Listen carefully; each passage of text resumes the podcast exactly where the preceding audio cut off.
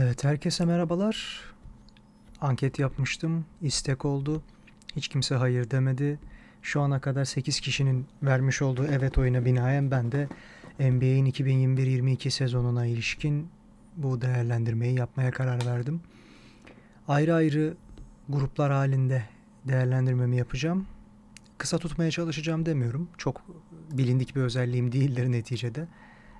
Fakat grupları tek tek inceleyeceğim. Hepsini de ayrı ayrı kayıtlar şeklinde yükleyeceğim ki dinlemesi daha kolay ve cazip olsun. Doğu ile başlayacağım. Atlantik grubu ile ilk başta. İlk takımımız Boston. Şimdi geçtiğimiz yıl o Evan Fournier tercihi bana kalırsa son zamanlarda yapılmış en saçma sapan tercihlerin başında geliyordu. Ondan kurtulmaları büyük avantaj. Yani bu sefer doğru kararı verdiler. Yapmış oldukları bir iki tane hamle var. Bunlardan bir tanesi gene Kemba Walker'ı yollamak, yolcu etmekti. Bu bir doğru karar mıydı? Açıkçası yerine kimin alındığına göre değişir. Şimdi bir numara artık Marcus Smart'a emanet olacaksa 2 numarada Jalen Brown, 3 numarada Jason Tatum, 4 numarada Al Horford, 5 numarada Robert Williams gibi görünüyor. Şimdi Al Horford'un takıma geri dönmesi belli açılardan avantaj ama ne olursa olsun çok modern bir uzun olmadığı için ve giderek yaşlandığı, ağırlaştığı için Al Horford'un takıma tecrübeden ve zekadan başka katabileceği yani savunma değil pas trafiğinde etki yaratabilir elbette. Yani son yılları içerisinde en iyi oynadığı takım Boston'dı doğruya doğru. Geri dönmüş olması belli açılardan avantaj. Fakat arkasında bekleyen mesela Juancho Hernan Gomez gibi bir ismin Minnesota'dan bu tarafa transfer edilmesi, takıma katılması benim açımdan önemli bir gelişme. Çünkü oraya dinamizm getirecek daha modern profilli kanat oyuncularının başında bu takımda o geliyor. E tabii ki bench'ten getirilecektir doğruya doğru. Fakat Al Horford'un dakikalarının pek çoğunu onun Grant Williams'ın ve eğer ki özüne dönebilirse çok fazla şey vaat edebileceğini düşündüğüm Jabari Parker'ın paylaşacağını düşünüyorum. Çünkü Aaron Nesmith veya Sam Hauser'ın Jason Tatum'u yedeklemek noktasında çok fazla bir şey vaat ettiğini ben açıkçası düşünmüyorum.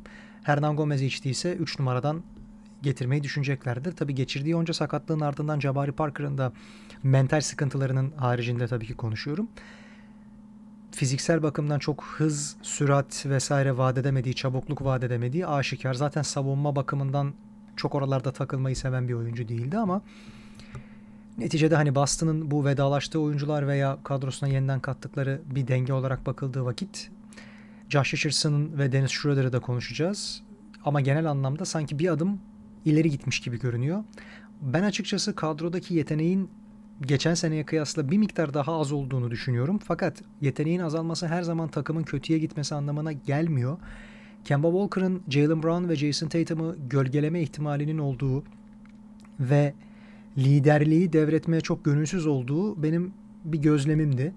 Yani neticede Charlotte'tan buraya gelirken Charlotte'ın franchise oyuncusuydu ve bununla birlikte yani onun yanında onun liderliğinde Charlotte ne uzayıp ne de kısalacağını düşündüğü için ondan vazgeçmeyi kabul etmişti. Burada tamamlayıcı parça olarak kendisine verilen rolü oynamaktansa gene muhtemelen lider olabileceği bir yere gitmeyi tercih edecekti. Burada da lider rolünü oynamaya çalıştığı zamanlar oldu. Ha bir de şu var sakatlığı sebebiyle de her zaman onu en iyi düzeyinde burada göremedik. Yani çok iyi bir test aşaması olmadı tıpkı Boston Kyrie Irving ilişkisi gibi. Ama ondan biraz daha verimli olduğu kesin. Yani toksik bir karakter değil neticede bahsetmiş olduğumuz oyuncu Kemba Walker. Bir All-Star her zaman için ama bu takımın öyle bir profildeki oyuncuya mı ihtiyacı var? Bence hayır. Marcus Smart'ın ve yedekten Dennis Schroeder'ın geliyor olması bana kıyas bana kalırsa daha büyük avantaj Kemba Walker'a kıyasla. Şöyle düşünmek lazım. Marcus Smart kendini zaten çok çok geliştirdi pek çok konuda. Fiziksel engelleri orası aşikar. Denecek bir şey yok yani kendini yeni baştan yaratması mümkün değil o konuda. Amenna. Fakat yıllardır üstüne koya koya ilerleyen bir oyuncu olduğu için muhtemelen takımın kaptanlığını da Al Horford'la beraber paylaşacaktır ve Tatum'un özellikle saçmalamaya çok yaklaştığı, kendini gerçekten yeni Kobe Bryant olarak görüp de bencilce oynamaya meylettiği dönemlerde onu dizginleyecek de bir figür sahada olması halinde ki sahada olacaktır. Bench'ten gelmeyecektir artık. Bu da bir avantaj. Jalen Brown'un sakatlıklardan kurtulabilirse ve yani takımın bir numaralı yıldızı kim kim ne zaman inisiyatifi ele alacak vesaire tartışmalarına girmezse Jason Tatum'la Smart'ın yönlendiriciliğinde çok daha rahat oynayabileceğini düşünüyorum. Schroeder da hiç değilse deliciliğiyle yani çok iyi bir oyun kurucu olmasa bile deliciliğiyle muhtemelen dışarıya açılan şutör bir takıma Boston'a da çok fazla avantaj sağlayacaktır. Yani ben onu eksi olarak görmüyorum. Savunma bakımından çok şey vaat etmediği kesin. E bir de üstüne üstlük şöyle bir sıkıntı var. Hani fiziken çok kalıpsız, cılız bir isim. Sürati var doğruya doğru ama yani bu sürat onu bazen felakete de götürebiliyor takımıyla birlikte. Her zaman en doğru kararı, en iyi tercihi verdiğini yaptığını söyleyemeyiz. Bu da bir eksi ama neticede onun inisiyatifine kalacak dakikalar çok daha sınırlı olacaktır. E tabi Brad Stevens'ın basketbol operasyonlarının başına geçmesi, koçluğu Aime Udoka'ya bırakması, eski bir NBA oyuncusuna bırakması bir açıdan şu arayış dönemi içerisinde Dennis Schroeder'a da bana kalırsa inisiyatifi yani serbestçe topu kullan diye verilmeyeceği bir dönem olacağını ben düşünüyorum. Oraya bir girizgah olacaktır. Belli setler çerçevesinde kimin ne yapacağını çok belli olduğu, mikro yönetimin mevcut bulunduğu bir kadro kimyası veya yönetimi görebiliriz genel anlamda. Yani Schroeder'ı başıboş bırakmayacaklardır. Arkidiakono'nun ben bu takımda olmasını sevdim. Hangi takıma giderse gitsin ben onu şu açıdan çok iyi severim. Muazzam bir birebir savunmacıdır. Bir yedek oyuncu için. Onun kolej kariyerini takip etmiş birisiyim ben. Hani şampiyonluklarına vesaire ve orada takımın nasıl sırtladığına da seyirci oldum. E hal böyleyken onun buradaki varlığının bu makul oyun tarzının ve hani tam bir görev adamı gibi izci gibi en azından oynamasının bir avantaj olduğunu düşünüyorum bulunduğu her kadro için. Bir de tabii Josh Richardson eklemesi var. Şimdi Richardson Miami'deki günlerinden çok uzakta bir profil çizdi aslında Dallas'ta. Yani tamam topa çok fazla el sürmek istemeyen, topu çok fazla elinde isteyen bir oyuncu olmadığı için açıkçası bir problem yaratmıyordu takım açısından. Çünkü Luka Doncic'in olduğu yerde topa Luka Doncic hükmediyor. Onun yanında bulunacak olan oyuncu tipi bakımından temelde kağıt üzerinde idealdi ama bu onun hiç değilse genç bir oyuncu olması hasebiyle daha az topla oynayıp oyununun biraz daha geriye gitmesine sebep oldu. Çünkü Josh Richardson daha fazla şey vaat edebilen bir isimdi. İyi bir savunmacı. Doğruya doğru fakat iyi bir hücumcu mu? Sadece bir bitirici mi ya da nasıl söyleyeyim bir görev insanı mı? Onu ayrıca tartışmak lazım. Bana kalırsa Philadelphia'dakinden yahut Dallas'takinden bir adım daha geriye gitmiş bir kariyerini göreceğiz burada. Yazın çok farklı şekilde çalıştığı vesaire söyleniyor ama alışkanlıklarını ne kadar değiştirebilir onun tarzındaki bir oyuncu. Yani Miami'deki o potansiyel vadeden isim olmadığı artık ortaya çıktı. Çok fazla bir şeyin değişeceğini de ben düşünmüyorum. Daha derli toplu bir kadroda mı oynayacak? Açıkçası hayır. Çünkü yani Dallas'taki ortama da baktığımız vakit orada da çok fazla mikro yönetimin var olduğunu söyleyebiliriz. Yani koçları Rick Carlisle'dı neticede. Burada da çok değişen bir şey olmayacak o bakımdan. Ama bu rolü kimlerle paylaşacağını düşünüyorum. Şimdi Jalen Brown'un dakikalarından çok fazla bir şey alması mümkün görünmüyor. Peyton Pritchard da geçen sene sakatlanana dek en azından görev adamı olarak çok iyi bir profil çizdi.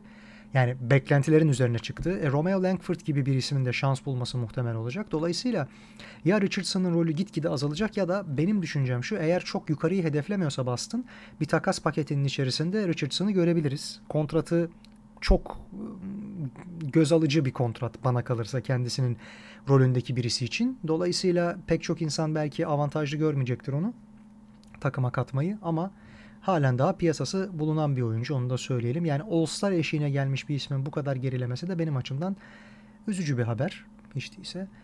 Uzun profili noktasında halen daha istedikleri eklemeleri yapabildiklerini söyleyemeyiz. Tamam artık kısaya dayalı bir oyun tarzı çok hakim NBA'de ama çember savunucusu noktasında Robert Williams'ın yahut Enes'in neler vaat ettiğini 3 aşağı 5 yukarı geçtiğimiz yıl gördük. Enes'i zaten çok uzun zamandır biliyoruz. Robert Williams'ın yerine belki ne bileyim Precious Ashua gibi bir ismin burada bulunması bir açıdan daha bir artı yaratabilirdi diye düşünüyorum. Daha dinamik ama yani Robert Williams'ın kötü bir oyuncu olduğunu söylemiyorum. Kendini çok geliştirdi doğruya doğru. Hani Grant Williams'a kıyasla daha favori bir tercih olduğu da kesin. Ama yani bu takımı bir üst seviyeye taşıyacak ya da o bölgeyi kotaracak tarzda gelişkin bir çember savunucusu ve 5 numara mıdır? Ben açıkçası o o kalıba sığabileceğini düşünmüyorum. O rol için bir adım geride kalıyor. Ayaklarında da tuğla varmış gibi hissediyorum ben kimi zaman. Dolayısıyla Daha iyisi bulunana kadar belki en iyisi bu diyebiliriz. Bir vakitlerin altın Lister'ı vardı NBA'de çok fazla kontrat bulmasının sebebi o boyda iyi kötü pivotluk oynayabilecek hiç kimsenin olmamasıydı. Yani alternatif azlığından dolayı bu noktadaydı. E şimdi aynı durum NBA'de pek çok oyuncu bakımından da geçerli. Hasan Whiteside da bunlardan bir tanesi yeri gelince konuşacağız. Ama ilk aklıma o geliyor mesela. E, totalde bu kimya ile geçtiğimiz yıla kıyasla daha ileri gidebilir mi? Kalıplı ve kalın hale geldikleri ortada. Biraz daha yavaşladıkları ortada. Al Horford hamlesi de buna dahil. Jabari Parker da hakeza aynı şekilde. E, Josh Richardson'ın da farklı bir şey vaat ettiğini söylemek kolay değil. Dolayısıyla evet iyi bir normal sezon takımı olarak bence göreceğiz onları. Geçtiğimiz yıla kıyasla bir adım daha ileri gidecekler ama iyi bir uzun takviyesi yapmadan mesela geçtiğimiz yıl ellerinin tersiyle cömertçe ittikleri türden bir Miles Turner hamlesi yapmadıkları sürece ben onların daha yukarıya çıkmasını pek mümkün görmüyorum. Tatum'la Jalen Brown'un yakın zamanda ya biz daha fazlasını isterük demeye başlaması para olarak değil de başarı grafiği bakımından bence çok muhtemel. Ben onları bu grubun üçüncüsü ya da dördüncüsü olarak görüyorum yine açıkçası. Brooklyn'e geçelim. Şimdi Brooklyn'deki problemlerin pek çoğu ya sakatlık ya da Kyrie Irving'in tuhaf zihniyetiyle alakalı.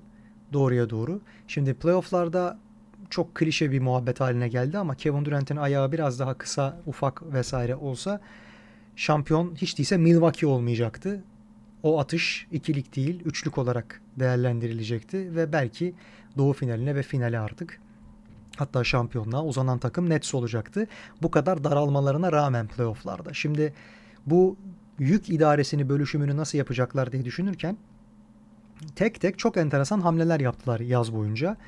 Yani Steve Nash'i oyuncular ne kadar takıyorlardır, umursuyorlardır, onun liderliğini ne kadar kabul ediyorlardır bu başka bir konu ama hiç değilse kendi aralarındaki o dengeyi tutturmuş gibiler ve bunun üstüne hatırı sayılır eklemeler yaptılar. Şimdi ben Paddy Mills'ın buraya gelmesini Kyrie Irving'li ve Irving'siz olmak üzere iki senaryoyu da Nets yönetiminin düşünmesine yoruyorum açıkçası. Kyrie Irving yoksa bile Paddy Mills'ın orada olması çok fazla bir şey kaybettirmeyecek. Çünkü hani Spencer Dinwiddie gitti. O burada kalabilseydi ve sağlıklı kalabilseydi geçtiğimiz yıl adeta Paddy Mills'ın burada göstereceği etkiye benzer bir olgunluk, tamamlayıcılık, ekskorellik ve hatta top yönlendiriciliği, oyun kuruculuk görevini görebilirdi. En iyi ikamelerden bir tanesi bu konuda Paddy Mills ve senelerdir San Antonio'da zaten bu kadroda yapması istenecek olan şey neyse onu yapıyor doğruya doğru. Javon Carter hakeza bana kalırsa olumlu bir hamle. Savunma bakımından çok fazla bir şeyi takılacaklarını düşünmüyoruz elbette bu kadronun ama bu deneysel bir takım doğruya doğru. Yani hücumun çok çok daha fazla iş görerek savunmaya kıyasla ve rakibin moralini bu kadar yüzdeli ve etkili hücum ederek daha fazla bozmayı temel direkt şeklinde kabul eden bir kadronun şampiyonluğa ulaşıp ulaşamayacağını göreceğiz. Cümleyi şöyle revize edelim. İlk defa gerçekten hücum gücü savunma gücünden çok çok daha önde olan bir takımın bu dezavantajına, savunma handikapına rağmen şampiyonluğa rahatlıkla uzanıp uzanamayacağını göreceğiz açıkçası.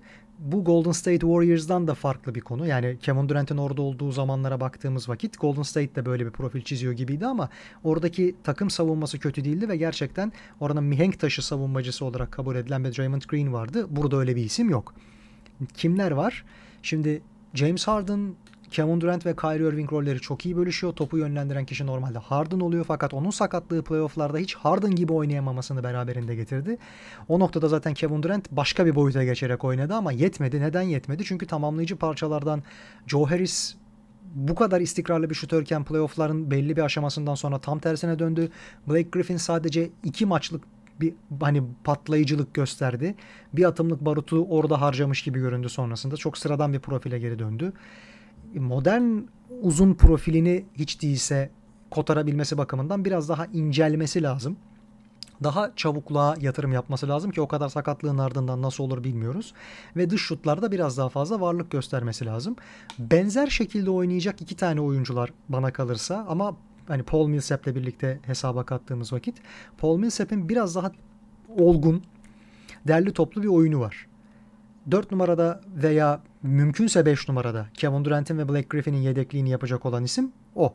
Şimdi kadrodan DeAndre Jordan gönderildikten sonra hakiki anlamda bir 5 numara kalmadı. E Griffin buraya basketbolu bıraktıktan sonra tekrardan dönen bir Lamarcus Aldridge. Onun ne kadar sağlıklı kalacağı bilinmiyor. E, Nick Claxton belli dönemlerde iyi işler yapmıştı geçen sene doğruya doğru ama sonrasında neler ne kadar düşüşe geçtiğini vesaire de gördük yani topun el yaktığı yerlerde. Bruce Brown'u hiç konuşmayalım. Bana kalırsa yani Milwaukee serisinin kaybedilmesinin başat sorumlusudur kendisi. Ama arkasında DeAndre Bembry gibi bir zamanların çok potansiyelli isimlerinden bir tanesi var. Ve iş Bruce Brown'a kalmadığı sürece Seko Jombaya gibi, James Johnson gibi bazı isimlerin buradaki varlığı da hiç değilse kanat bakımından, kanat kadrosunun rotasyonunun genişliği bakımından Brooklyn'i avantajlı bir noktaya getiriyor. Yani şu kadro ata ata şampiyon olur mu? Eğer ki Blake Griffin'in ve Lamarcus Aldridge'in ayakları onları taşıyabilirse, bu uzun tempoya dayanabilirse ve bu kadar yorgunluğu idare etmeyi başarabilirlerse, sakatlık vesaire gibi bir problemle de uğraşmazlarsa, geçtiğimiz yıl görmeyi hayal ettiğimiz senaryoyu bu yıl hiç değilse izleyebiliriz gibi geliyor bana. Yani grubun birincisi olacaklar mıdır? Philadelphia'nın da çok kaotik bir ortamda olduğunu hesaba katarak avantajlı görebiliyorum ben bu grubun birinciliği için Brooklyn'i. Ama şunu hiç unutmayalım. Şimdi Kyrie Irving'in aşı sebebiyle yarattığı bir ayrı ufak kaos var. Maçların yarısında muhtemelen oynayamayacak çünkü malumunuzdur New York eyaleti, Manhattan vesaire bunların içerisinde aşı olup olmamakla alakalı çok ciddi bir düzenleme var spor müsabakaları bakımından. Üstüne üstlük gidecekleri bazı deplasmanlarda da bu yönetmelikler geçerli olduğu için. E şimdi 40 maçlığına veya 35 maçlığına Kyrie Irving'i ben neyleyeyim sağlıklı olmasına rağmen bu kontratı hak ediyor mu? Bu rolü hak ediyor mu?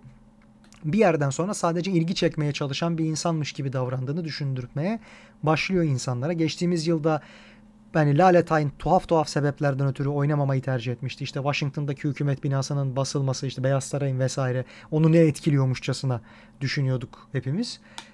Neyse yani Kyrie Irving bu ama iyi olduğu zamanlarda bu takıma çok şey katabilir mi? Gittiği her takıma bir şeyler katabilir. Hele ki ana top yönlendirici olmadığı hesaba katılırsa.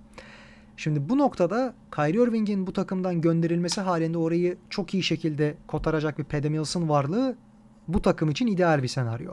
Hiç kimseye bir şey olmadığında ve Kyrie Irving'in Kevin Durant'in de telkinleriyle aşı olmayı kabul ettiğini düşündüğümüz ve varsaydığımız bir senaryoda bu kadro hakikaten tutulmaz bir noktaya gelir. Doğruya doğru. Gerekli eklemeler yapıldı mı? Bana kalırsa bu yönetim üzerine düşen her şeyi yaptı. Yani genel menajer ve idari kadro bu noktada artık suçlanamaz herhangi bir sebepten ötürü. Geri kalanı tamamen oyuncuların inisiyatifinde. Artık onlar gösterecekler bir şeylerde iyiler mi kötüler mi göreceğiz. Bu noktada ben açıkçası Brooklyn Nets'i bu sezonun şampiyonluk adaylarından bir tanesi olarak görebilirim. Kyrie'nin var olması da var olmaması da bunu çok fazla etkilemez diye düşünüyorum. Özellikle geçtiğimiz yılın playofflarındaki senaryoyu gördükten sonra. New York Knicks'e geçelim. Geçtiğimiz yıl ben açıkçası kaybedenler kulübü olarak bu kadronun açık ara sonuncu olacağını düşünenlerden bir tanesiydim. Kadrodan bu arada değişimler yaşandı. Neticede Reggie Bullock gitti. En önemli isim oydu bence. Alfred Payton gitti. Onun yerine gelen isim şimdi Derrick Rose yarı dönemde tekrardan geçtiğimiz sezonun yarısında bu takıma katıldı. Kemba Walker geldi ki Kemba Walker bu noktada topu gene birkaç isimle birden paylaşmak durumunda kalacak ama bundan çok rahatsız olacağını sanmıyorum. Çünkü topun el yaktığı dakikalarda muhtemelen Julius Randle'la ikisinin bazı şeyleri bölüşmesi gerekecek. Geri kalan isimlerin hiç değilse R.J. Barrett'ın bu noktada çok talepkar olacağını düşünmüyorum. R.J. Barrett çok olgunlaştı. All-Star olması mümkün bu sezon doğruya doğru. Ama top ondan mı yönlenecek? Yani yönelecek. Bütün takıma pası o mu dağıtacak? Ana oyun kurucu, top dağıtıcı o mu olacak? Yoksa ne zaman top gelir de ben bir şeyler yaparım diye bekleyen bir görev adamı haline mi gelecek ya da ikinci, üçüncü yıldız mı olacak onu göreceğiz. Bu kadroda tıpkı Brooklyn gibi ata ata bir şeyleri başarmak isteyecektir. Çünkü kadrolarındaki isimlerin tamamı yakını zaten atıcılıklarıyla ünlü. Evan Fournier bunlardan bir tanesi. Derrick Rose bunlardan bir tanesi. O bench'ten gelerek daha az yıpranacak ve daha olumlu konsantre bir katkı verecektir diye düşünüyorum. E, Alec Burks bir atıcı. R.J. Barrett hem dağıtıcı hem atıcı hem güzel bana kalırsa değerli toplu bir savunmacı. E, Julius Randle geçtiğimiz yıl çok önemli bir gelişim kaydetti ama savunmada belki hiçbir şey yapmıyor halen daha.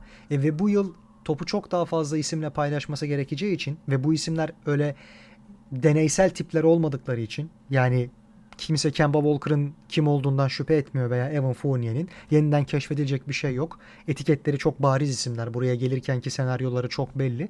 Dolayısıyla Randall'ın belki istatistikleri biraz düşebilir ama All-Star verimliliği düşmezse takımın halen daha bir numaralı oyuncusu o. E şimdi arkasındaki Abitapi'nin geçen yıl hiç değilse bench'ten gelip biraz daha şut katkısı verebildiğini gördük. Belki draft edilirken vaat ettiğine veya beklentilere kıyasla bir adım geriye gitmiş olabilir toplam profili. Aynı şekilde Kevin Knox'tan da ümidi kesmeleri an meselesi. Bir aralar çok fazla parlayan Mitchell Robinson ve Emmanuel Quigley'nin bütün defoları tek tek ortaya çıktığından dolayı geçtiğimiz yılki o son şansını yaşamak isteyen, bunu değerlendirmek isteyen kaybedenler kulübü veya tutunamayanlar profilli kadrodan işler biraz değişti. Eskisi kadar başarılı olabilirler mi? Kağıt üzerinde çok daha stabil bir kadroya sahipler. İnsanlar daha fazla şey görmeyi bekleyebilir ama ben bunun etiket stabilliği olduğunu düşünüyorum. Yani sadece bu bir imaj. Gerçeğe yansımayacaktır. Çünkü Evan Fournier gibi bir isim Tom Thibodeau ile ne kadar çalışabilir? Kemba Walker hakeza Thibodeau ile ne kadar uyuşabilir? Bu başka bir konu. Ben onların çok fazla sıkıya gelebileceğini düşünmüyorum. Hele ki savunma bakımından Evan Fournier'in hiçbir şey yapmayacağını da varsayabiliriz. Bir de Boston'a gittikten sonraki ilk bir 10 maçlık periyodunda sergilediği felaket hücum yüzdesini ve verimliliğini de burada görürsek başlarda takas edilmesi işten bile değil. Mitchell Robinson'ın da halen daha çok fazla yem yuttuğunu düşünüyorum savunmada. Doğruya doğru potansiyelli bir isim orayı iyi kapatıyor ama ben Nerlens Noel'in en azından ana pivot, ana 5 numara olması taraftarıyım. Bu tablo içerisinde ben ondan daha fazla şey görmeyi bekliyorum ve geçtiğimiz yıl zaten bunu yapabileceğini de kanıtladı. Ana çember savunucusu olarak çok fazla şey vaat edebiliyor Mitchell Robinson'a kıyasla. Bir tek fiziksel bakımdan biraz kalınlaşması lazım. E Taj Gibson'ın hiç değilse bu savaşçı ruhu oraya bir şeyler getirecektir. Reboundları iyi kovalayacaklardır. E geri kalan profile baktığımda bu grubun sonuncusu mu olacaklar? Sanki ona kalmayacak gibi görünüyor. Yani Toronto sonunculuk için benim nezdimde daha büyük bir aday. Dolayısıyla bu grubun biri Brooklyn ise iki numarası ya Boston ya Philadelphia, üç numarası gene aynı şekilde Boston ya da Philadelphia. Dört New York olur. Beşte de Toronto kalır diye düşünüyorum. Daha şimdiden bunu da burada söylemiş olayım. Philadelphia'ya geçelim. Kafa yapısı bakımından elbette Ben Simmons'ın çok ümit var bir görünüm arz ettiğini söyleyemeyiz. Bu kadar büyük potansiyellerle gelen ve daha gelir gelmez yeni LeBron olarak anılmaya başlayan bir ismin LeBron'un gençliğinde yaptığı bütün hataları tekrarlaması ve hatta benim daha fazla bir şey yapmama gerek yok. Ben zaten böyle de maksimum kontrat oyuncusuyum diye düşünmesi bana felaket bir şekilde Dwight Howard'ı anımsatıyor zihniyet bakımından. Çünkü hani takım arkadaşıydı maazallah ondan çok kötü etkilenebilir ya da etkilenmiştir. Dwight Howard şöyle düşünüyordu. Ben neticede NBA'de oynuyorum halen daha. NBA'deki genel görünüme baktığımız vakit draft edilen oyuncular veya lige katılan oyuncular 8 sene içerisinde bu ligden ayrılıyorlar. Yani ortalama bir NBA kariyeri 8 yıl sürüyor bir oyuncunun. Bense 10-12 yıldır bu ligdeyim. Dolayısıyla başarılı olduğumu düşünüyorum diyor. Ve bunu Dwight Howard seviyesinde birisi olarak söylüyor. Demek ki kendi potansiyelinin hiç farkında değil ve ekstradan bir şey yapması gerektiğini düşünmüyor. Sırf bu bile şampiyon zihniyetli bir oyuncu olmadığını zaten en büyük göstergesi. Ya sen kaç defa yılın savunma oyuncusu seçilmişsin, kaç defa All-Star seçilmişsin. Bir dönem ligin bir numaralı uzunu sendin. Maalesef öyle zamanlardan geçti NBA ve buna rağmen senin kriterin buysa ben 12 sene 10 sene ligde tutunmayı başardım. Genel istikrar tablosunda grafiği yukarı çektim. O standardı aştım diye seviniyorsan zaten senin kafan tuhaf bir kafa demektir. Yani o biçtiğimiz kumaşı, rolü oynayamıyorsun demektir. Sen o kalıbın insanı değilsin demektir. Aynı durum Ben Simmons'ta da var. Ya bir insan inatla niçin kariyerini daha ileri götürecek olan bir şey yapmaktan kaçınır? Bunun üzerine bir de serbest atışlardaki o fobisi de geldi. Ya en iyi yaptığı iş içeriye penetre etmek. Muazzam bir fiziği var bunun için. Bunu da yapmıyor. Niye? Serbest atış kaçırmaya başladığından dolayı. Ya Markel Fultz'un veya Dwight Howard'ın zihniyeti ya da laneti mi burada hüküm sürüyor? Yani bu çok enteresan bir kafa yapısı. Ben zamanında Joel Embiid ile Ben Simmons ikilisini bir vakitlerin 90'ların ortasında finale yükselen, daha ikinci ve üçüncü yılındayken oyuncular finale yükselmiş bir Orlando Magic ile kıyaslıyordum. Yani Joel Embiid'i Shaquille O'Neal'la Ben Simmons'ı da Penny Hardaway ile bir tutuyordum Hiç değilse başarı ve yetenek bakımından. Fakat zihniyetleri çok farklı. Yani bu, o zaman oradayken Shaquille O'Neal yarıda bırakıp gitmişti. Burada Ben Simmons'ın yarıda bırakıp gitmesi çok muhtemel. E malumunuzdur işte takımla sıkıntı yaşadı, idmanlara çıkmayacağını söyledi. Takımla bir daha hiç maça çıkmayacağını söyledi. E, ödemesi yapılmadı kontrat noktasında. Philadelphia'da burada enteresan bir risk aldı. Çünkü oyuncular sendikası bu konuda artık malumunuzdur. Çok maalesef can yakıyor. Güç tamamen oyuncularda. Kurumların çok fazla itibarı kalmadı yani takımların veya idare kademesinin. Bu noktada güzel bir hamleydi. Ben açıkçası bu cüretkarlığı olumlu görenlerden birisiyim. Ben Simmons da kuyruğu kıstırıp belki takımla çalışmalara geri dönmüştür. Dönecektir de ama sahada bu kafa yapısındaki bir isimden ne beklemek lazım? E o olmayınca Tyrese Maxey gibi, Seth Curry gibi isimlerden ne kadar top dağıtımı, pas trafiği, yönlendiriciliği vesaire beklenebilir? O da ayrı bir tartışma konusu. Yani Mattis Tybul, Tyrese Maxey iyi savunmacılar, doğruya doğru iyi görev adamları ama ilk 5'te çok fazla şey vaat edebilecek isimler mi? Bu bir soru işareti. E Furkan'ın buradan takaslanması gündemdeydi bir ara. Çünkü verimli hücum etmeyi de bırakmıştı. Ama hazırlık maçlarında gördük ki formunu koruyor hiç değilse. Ona ne kadar burada iş düşecek? Seth Curry geçen yılı çok iyi geçirdi kendisi açısından. Özellikle ikinci kısmı. Burada takımın ana skoreri olması hiç mümkün değil. Doğruya doğru ama Furkan'ı engelleyecek türden bir rol mü verilir kendisine? Ya şöyle söyleyeyim potansiyelli patlama yapması muhtemel ve takımı olduğu seviyeden daha yukarı çekecek birisine ihtiyaçları var. Bu Ben Simmons değil. Sadece bir savunmacıya ve pas dağıtıcıya dönüşmek istiyor kendisi. Yani bunu Alfred Payton'dan da görebiliyoruz temelde. Ve çok olumlu bir şey demek değil bu. Yani Rajon Rondo da baktığımızda bir zamanlar böyle düşünüyordu ve her zaman bir adım gerisinde kaldı en iyi oyun kurucuların, en elit oyun kurucuların. Çünkü yapmakla mükellef olduğun şeyleri bulunduğun çağa göre, zamanın ruhuna göre yapmıyorsan zaten sen otomatikman kendini 1-0 geriye düşürüyorsun. Handikaplı başlıyorsun. Üstüne üstlük bu kadar potansiyel vaat ediyorsun. Hangi takıma gitsem iş bulurum diyorsun. Al hiçbir takım seni istemiyor. Çünkü toksik bir karakter haline geliyorsun sen. Yönetimle anlaşamayan onu geçtim. Oyuna ihanet eden ve yeteneklerine ihanet eden bir isme dönüşüyorsun. Bu son derece olumsuz bir görünüm. Hadi bunların hepsini geçtik. Sahaya geri döndü diyelim. Bütün küslükler unutulacak mı? Bu yaşanan süreç geri planda mı kalacak? Onu da sanmıyorum. Yani Embiid'le takışmaları çok muhtemel. E playoff'larda Doug Rivers bile ona olan inancını kaybetti ne güzel şut koçları vardı. Kimdi? Sam Cassell'le mi çalışıyorlardı? Ben mi yanlış hatırlıyorum? Yani özel bir şut koçu da kendisine tayin edilmişti. Gene savsadı, gene bıraktı. Yani artık bu üstüne yatırım yapılmaya değer bir varlık mıdır, bir oyuncu mudur? Ben hayır, böyle düşünmüyorum. Yani Ben Simmons'ın bu takıma maalesef zarar verdiği görüşündeyim. Şimdi uzun profili açısından çok avantajlılar. Joel Embiid'in sağlıklı kalması halinde zaten kafadan playoff adayı olduğunu biliyoruz. Hatta grubun liderliğine, Doğu'nun liderliğine adaylar. Embiid mükemmel iki sezon geçirdi arka arkaya. Hiç değilse geçtiğimiz sezon bir önceki sezona kıyasla daha kısır geçen bir döngüyü sonlandırdı ve özüne döndü. Beklenen çıkışı gerçekleştirdi. E, oyunun hiçbir yerinde tembellik etmiyor. Star kaprisi yaratmıyor.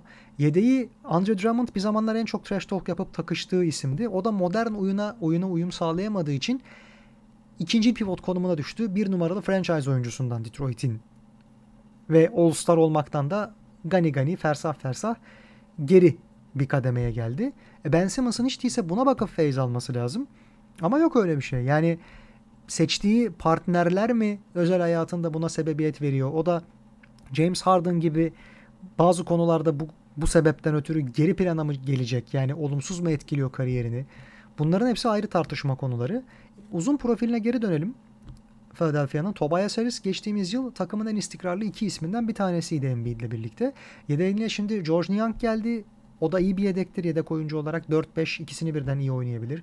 Paul Reed'in ben olumsuz bir isim olduğunu düşünmüyorum.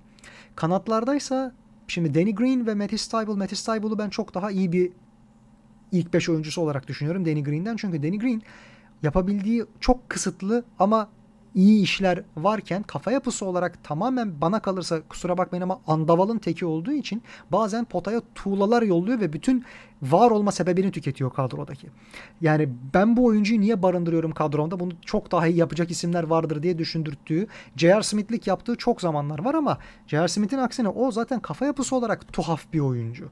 Yani zihniyet bazen kafa burada, bazen burada olsa bile konsantre olamıyor veya algısında sıkıntı varmış gibi. Yani bir tuhaf bir zihniyeti var Danny Green'in. Ben hiçbir zaman ısınamadım kendisine. Ve iyi yaptığı bazı şeyleri de artık o kadar kötü yapmaya başlıyor ki hiç çekilmez bir hal alıyor. Doğruya doğru. Dolayısıyla Philadelphia'nın ben bu grupta Brooklyn'i geçeceğini düşünmüyorum. İspatlamaları gereken bir şey vardı. Geçtiğimiz yıl onun ispatı için grubu lider bitirmeleri zaten benim de öngördüğüm bir hadiseydi. Bu sene çok çok daha kaotik bir haldeler. E ben Simmons da giderse şimdi bir vakitler Joel Embiid'in çok ümitlendiği bir dörtlü yapılama vardı. Markel Fultz, Ben Simmons kendisi ve Dario Saric ile. E, geriye bir tek Ben Simmons kaldı. Onu da gönderilmesi halinde yeniden yapılanmaya girmezler belki ama kadro çok tuhaf bir hal alır. E bu noktadan itibaren yarı saha hücumlarında tempo kazanırlar mı? Çok daha açık alana oynayabilir hale gelirler mi? Ben açıkçası Ben Simmons'ın gitmesini belli noktalarda olumlu da karşılıyorum. Sadece kısalardan pas trafiğinde Shake Milton'ın falan bir şeyler yaratması çok mümkün değil ya da Tyrese Maxey'nin. Ana top yönlendirici bakımından e, Seth Curry de o isim değil. Pas trafiği sıkıntıya uğrayabilir. Keşke kadrolarında şu an işte McConnell gibi bir isim olsaydı da bu sıkıntıyı yaşamasalardı açıkçası. Hatta J.J. Redick'in kalmasını bile ben çok isterdim. Emekli oldu buradan da saygıları gönderelim. Benim çok sevdiğim bir oyuncuydu kendisi. Yani gel de şimdi hiç değilse McConnell'ın varlığını burada arama. Dış şut tehdidi bakımından çok çok daha alan açmak ve spacing yani bakımından ve tempo bakımından Ben Simmons'ın olmadığı bir senaryo açıkçası bütün takımlar olduğu gibi Philadelphia'da yarar. Ama takım savunması hiç değilse 5 numarada veya 4 numarada Yannis gibi bir isimle veya Kevin Durant'le eşleşecek belki ligdeki yegane oyuncu çok iyi yapacak bunu. Yegane isim Ben Simmons'tır. Onun gitmesi tabii ki takım savunmasına olumsuz etki eder. E bir de üstüne top yönlendiricisi yok. Ne olursa olsun halen daha adam eksiltebilen ve iyi pas çıkartabilen, spektaküler pas çıkartabilen bir oyuncu Ben Simmons. İş ki yeteneklerine ihanet etmesin. Mesele bu. Dolayısıyla ben Philadelphia'yı bir takas senaryosu olursa Ben Simmons'ın kaybı noktasında çok fazla şey kaybedeceğini düşünmüyorum. Hücum bakımından top yönlendirmek sıkıntı sadece. Bu arada Ben Simmons kadroda kalsa bile bu ana top yönlendirici ve pas trafiği sıkıntı olacak. Çünkü onun yedekliğini yapacak olan isimlerde de bir numarada iki numarada bunu kotaracak kimse yok. Genel bakımdan zaten bir sıkıntı var. Ben Simmons yollayıp hasbel kadar topu birkaç yönlendirebilecek iki tane üç tane isim alabilirlerse ne ala fakat kimse ne onu ne de kontratını bu haldeyken istemiyor. Yani John Wall'un veya Russell Westbrook'un o korkunç kontratlarından çok daha sıkıntılı bir görünüm arz ediyor şu an Ben Simmons'ın kontratı ve durumu. Sırf bu yüzden. Toronto'ya geçelim. Şimdi Toronto'da bana kalırsa bir adım geriye gitti. Çünkü ya ben açıkçası hiçbir zaman insanların ısındığı kadar ısınamadım Kyle Lowry'e. Fakat hem hücumu hem savunmayı belli ölçülerde iyi yapan, topu ve takımı iyi yönlendirebilen bir kaptanın olması ne kadar hatalı tercihleriyle ve oyunu bana kalırsa tehlikeye atmasıyla da biliniyor olsa Kyle Lowry. O öyle bir oyuncunun bu kadroda kalması avantajdı. Artık o işi Miami'de yapacak. Fakat bana kalırsa kendisini bir sene evvel göndermiş olsalardı kadrodan karşılığında daha fazla şey alabilirlerdi. E, yaşlanıyor çünkü neticede. Şimdi bu noktada bir numaralı oyuncuları, top yönlendiricileri Fred Van Fleet mi olacak? Ben açıkçası onun tamamlayıcı parça olması halinde çok daha fazla fayda sağlayacağını düşünüyorum. Geçtiğimiz yıllarda olduğu gibi. Büyük bir çıkış yakaladı. Ben kendisinin kolej kariyerinden itibaren onu takip eden ve hatta NBA nasıl böyle birisini gözden kaçırdı da undrafted geldi. Yani draft edilmeden daha sonra kadroya NBA'ye katıldı. Onu bile merak eden bir isim. Anlam verememiştim. Neyse ki beni haklı çıkardı. Onu draft etmeyenleri de haksız çıkardı ve bugünlere kadar geldi. Önemli bir hikaye kendisininki. Ana oyun kurucu olması hani Goran Dragic'in sağlıklı kalabildiği dakikalarda bu rolü üstleneceğini ben düşünüyorum. Malachi Flynn geçtiğimiz yıl çok önemli bir umut vaat etti. Onun da hiç değilse bu yükselişini sürdüreceğini varsayarsak ilk bir numara pozisyonunda 3 tane iyi isim var, iyi alternatif var. Şimdi Gary Trent Jr. kariyerini ayağa kaldırma evresine girdikten sonra birkaç tane çok iyi maç oynadı geçtiğimiz sezon. Fakat onu ne kadar sürdürebilir onu bilmiyorum. Mihailuk'un burada bir şeyler yapması muhtemel onu söyleyeyim. İyi bir tamamlayıcı şutör olabilir kendisi çok sağlam bir hani havan topu bombacısı gibi bir isimdi Eurobasketlerde benim seyrettiğim üzere. Hiçbir zaman NBA'de o kadarını vaat edemedi ama bu takımın en büyük eksikliği eğer skor ve dış şutsa ki bence öyle. Mihailuk'un burada olması avantaj. Gary Trent Jr. ise istikrar tutturabilirse yani profesyonel olmayı becerebilirse yani şöyle söyleyelim DeRozan'ın ve veya Kawhi Leonard'ın ve Kyle Lowry'nin gitmiş olduğu bir görünüm içerisinde hiç değilse bir boşluğu dolduracaktır. Şimdi Ananobi'nin geçtiğimiz yılki o dehşet savunmacılık yeteneğini, meziyetini herkes gördü. Zaten böyle olacağını 3 aşağı 5 yukarı düşünüyorduk. Fakat kanat pozisyonlarında o kadar geniş bir rotasyonları var ki hele ki Isaac Bonga, işte Champagne geçtiğimiz yıl daha fazla şey yapmasını beklediğimiz Watanabe gibi bir isim ve bu yıl çıkışını devam ettirebilir. Sam Decker hiç yoktan. Ve tabii ki bu yıl draft'te çok büyük umutlarla seçtikleri Scotty Barnes. Oradaki rotasyon nasıl olacak? Acaba Gary Trent Jr.'ın da bu noktada dakikaları kısıtlanabilir mi? Anunobi'yi 2 numaraya çekip Scotty Barnes'ı burada 3 numarada değerlendirebilirler mi? Scotty Barnes şimdi özel bir oyuncu. Onu bir defa söyleyelim. Yani draft edilen diğer isimlere çok fazla benzemiyor bu yıl. Onun gelişimi adına en azından bu yılı gözden çıkarmak lazım. Çünkü ligin temposuna alışması, takım arkadaşlarının tercihlerine alışması onun için açısından çok önemli. Ana top yönlendirici olabilmesi bile muhtemel.